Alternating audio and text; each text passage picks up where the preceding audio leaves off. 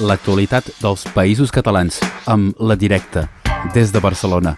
La Directa, diari digital per la transformació social. A Ràdio Arels. Establim eh, connexió des de la seu de la Directa amb en Jesús Rodríguez. Bon dia, Jesús. Hola, bon dia. Començarem amb un tema ben bé d'actualitat, amb un repàs d'algunes de les mobilitzacions que han marcat eh, aquest 7 i 8 de març.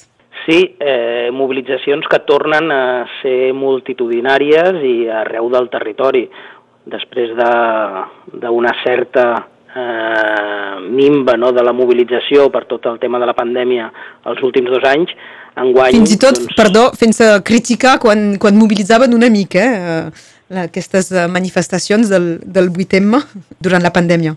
Sí, també, també. La polèmica, eh, una polèmica que en altres manifestacions no hi era, en canvi la del tema sí que hi havia mhm. polèmica, no? Vull dir, curiós com, com es va forçar aquesta polèmica.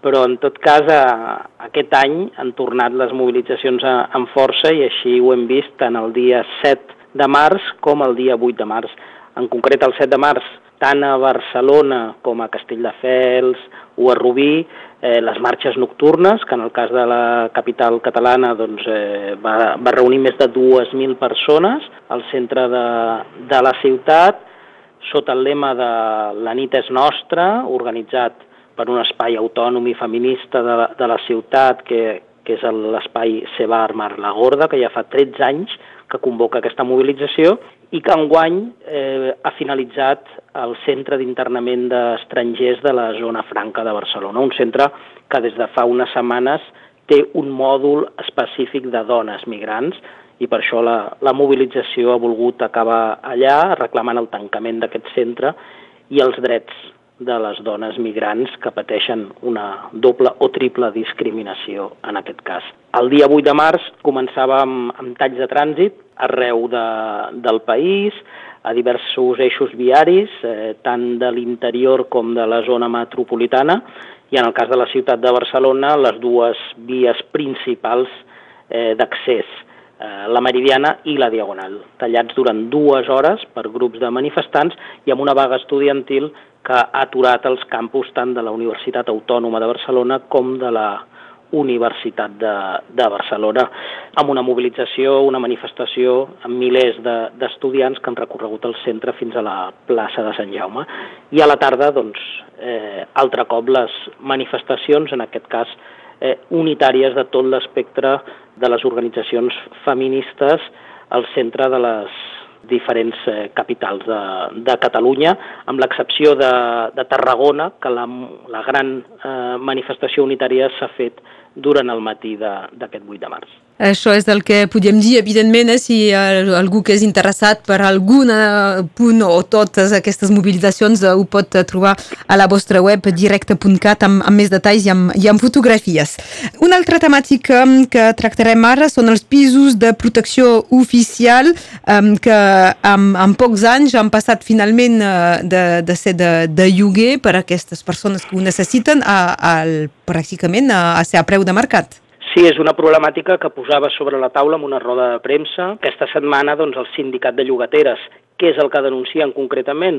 Que grans fundacions o entitats bancàries, en el cas concret de la roda de premsa denunciaven la Caixa, la, la Fundació La Caixa, han rebut quantioses subvencions per part de l'administració pública per construir promocions d'habitatge de protecció oficial que fossin accessibles per famílies vulnerables o amb, o amb baixa renda. Quin és el problema? Que resulta que aquestes promocions han estat accessibles durant un període de 10, 15 o 20 anys i després s'ha aturat aquest contracte i segons eh, el propi acord que havien contret les administracions públiques i la Caixa, els habitatges han tornat a preu de mercat i s'està en procés de desallotjament de les famílies que hi vivien. Per tant, eh, un cas eh, greu de vulneració d'aquest dret fonamental a l'habitatge. De les 37 promocions d'edificis construïts per la Fundació La Caixa, n'hi ha 14, 14 d'aquests edificis que ara mateix eh, estan en, en peu de lluita per evitar que siguin desnonades totes les famílies que hi viuen. Aquesta informació la publiquem amb un mapa on ubiquem tots aquests edificis i cadascuna de, d'aquestes reivindicacions del, de les famílies que hi viuen i l'enllaç a la campanya, que és la campanya Destapem la Caixa, del sindicat de llogateres. I acabarem amb um, un seguit de mobilitzacions uh, que van tenir lloc a, a Barcelona el passat uh, dissabte sobre macroprojectes. Sí, hi ha un pols en l'actualitat en relació a quin és el model de, de sostenibilitat, d'energia, eh, d'infraestructures que es desenvolupen en el territori i aquest pols es va poder viure eh, en la manifestació que va recórrer als carrers de Barcelona el dissabte passat, el dia 4 de març, un gran globus de color groc amb missatges en contra dels combustibles fòssils obria la manifestació que estava coordinada per tres grans plataformes. Una d'elles, la plataforma contra l'ampliació de l'aeroport del Prat a Barcelona. Recordem que des de les patronals eh, s'ha proposat eh, fer la tercera pista de l'aeroport sobre l'aigua del mar, com a tercera proposta que es fa des d'aquest de, sector patronal. El moviment ecologista i veïnal dels municipis que envolten l'aeroport eh, ja ha denunciat que això és una proposta que no té cap sentit i que més vulnera totes les mesures i totes les polítiques eh, que volen pal·liar les emissions de CO2 i eh, reduir l'increment de temperatura per, del canvi climàtic que estem patint actualment, no? aquest context d'emergència climàtica. Una altra de les plataformes és la, la plataforma Aturem Hard Rock. Eh, Hard Rock, potser per la majoria de la gent que ens escolta, es relaciona amb cafeteries, no? amb una marca de cafeteries estatunidenca, però el principal negoci de Hard Rock en l'actualitat són els casinos. Un gran casino, que seria eh, pràcticament el més gran d'Europa, és previst que s'instal·li a les comarques de, de Tarragona, entre els municipis de Vilaseca i Salou, i des, de, des del territori també van estar presents a la manifestació de Barcelona per denunciar que aquest macroprojecte també contradiu totes les polítiques de sostenibilitat i de reducció de les emissions i de l'impacte en el medi ambient que tindria sobre una superfície eh, pràcticament d'un quilòmetre quadrat de terrenys d'aquests dos municipis. En una zona on també ja hi ha un enorme parc temàtic que tots coneixem.